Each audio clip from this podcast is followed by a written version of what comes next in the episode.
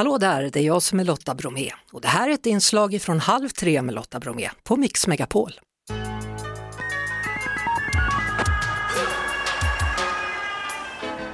Då ska vi denna vecka ta oss en titt på Tidöavtalet, Lena Ljungdahl. Och varför jag ställer dig den frågan det är för att du har jobbat som polis och säkerhetsspecialist och numera är en krimpoddare. Då. Man säger ju i Tidöavtalet ganska så tydligt att man vill få bukt med gängkriminaliteten. Vad är det man tänker göra?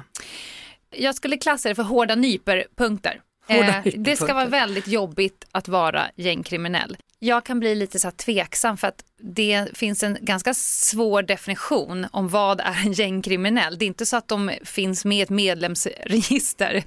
De vill skärpa straffen för brott som eh, typiskt sett begås inom ramen för gängkriminalitet. De vill utöka möjligheterna till hemliga tvångsmedel, telefonavlyssning och sånt i förebyggande syfte.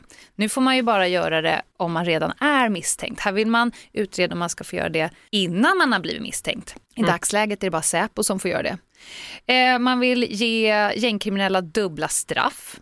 Man vill att fängelsepresumtionen som nu finns ska avskaffas. Det vill säga i nuläget säger man till rätten att försök se om vi kan ge den här personen ett annat straff än fängelse. Och nu tar man bort det utan kastar dem i fängelset säger de i princip. Det finns också en ny huvudregel, villkorlig frigivning vill de ta bort. Idag ser det ut så att när du har suttit av två tredjedelar av ditt straff så kommer du komma ut med en villkorlig frigivning.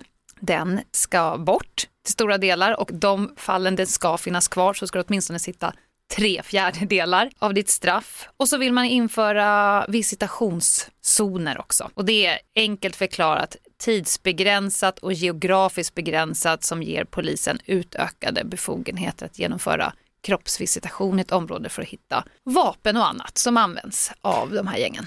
När du säger sådär att man ska sitta av hela straffet mm. inte kunna bli frisläppt efter tre fjärdedelar, mm. gäller det bara de som har sysslat med gängkriminalitet då, eller gäller det alla brott i Sverige? Alla. I fortsättningen? Alla. Vad händer med barn och unga? Dels det jag kan utlösa att man försöker, man ska i alla fall utreda vissa genomförda åtgärder för att försvåra för gängen att rekrytera ungdomar om minderåriga har begått brott så ska polisen alternativt socialtjänsten som huvudregel utreda eventuell påverkan från äldre. Det är ju bra.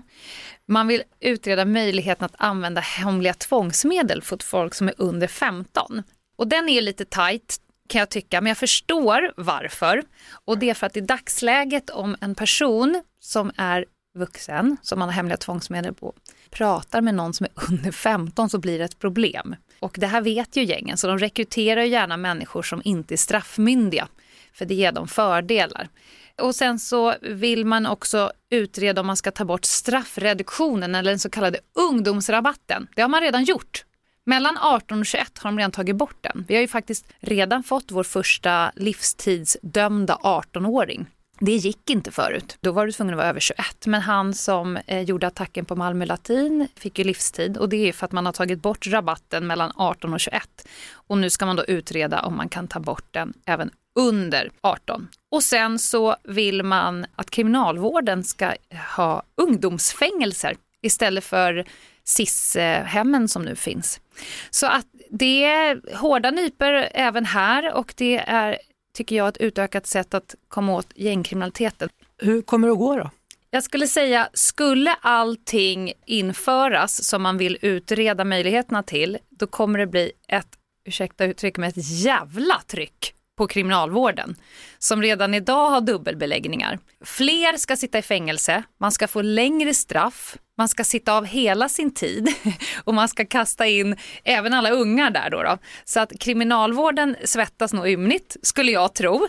Nu kommer inte allt det här gå igenom, alltihopa ska utredas och det tar lite tid och sådär. Men vem vet, mycket av det man vill införa har man ju sneglat på Danmark och väldigt få av grejerna finns det forskning på. Så det finns ingen evidens på att det funkar ens. Men man vill ta i med hårda nyper här och se vad som händer. Då får vi se vad som händer. Då. Ja, det får vi göra. ja. Tack så mycket Lena Ljungdahl, för detta polis och säkerhetsspecialist. Över min döda kropp heter Krimpodden som du har. Halv tre med Lotta Bromé på Mix Megapol Ett poddtips från Podplay. I podden Något Kaiko garanterar östgötarna Brutti och jag, Davva, dig en stor dos skratt. Där följer jag pladask för köttätandet igen. Man är lite som en jävla vampyr. Man har fått lite blodsmak och då måste man ha mer. Udda spaningar, fängslande anekdoter och en och annan arg rant. Jag måste ha mitt kaffe på morgonen för annars är jag ingen trevlig människa. Då är du ingen trevlig människa, punkt. Något Kaiko, hör du på Podplay. Därför är gardinerna.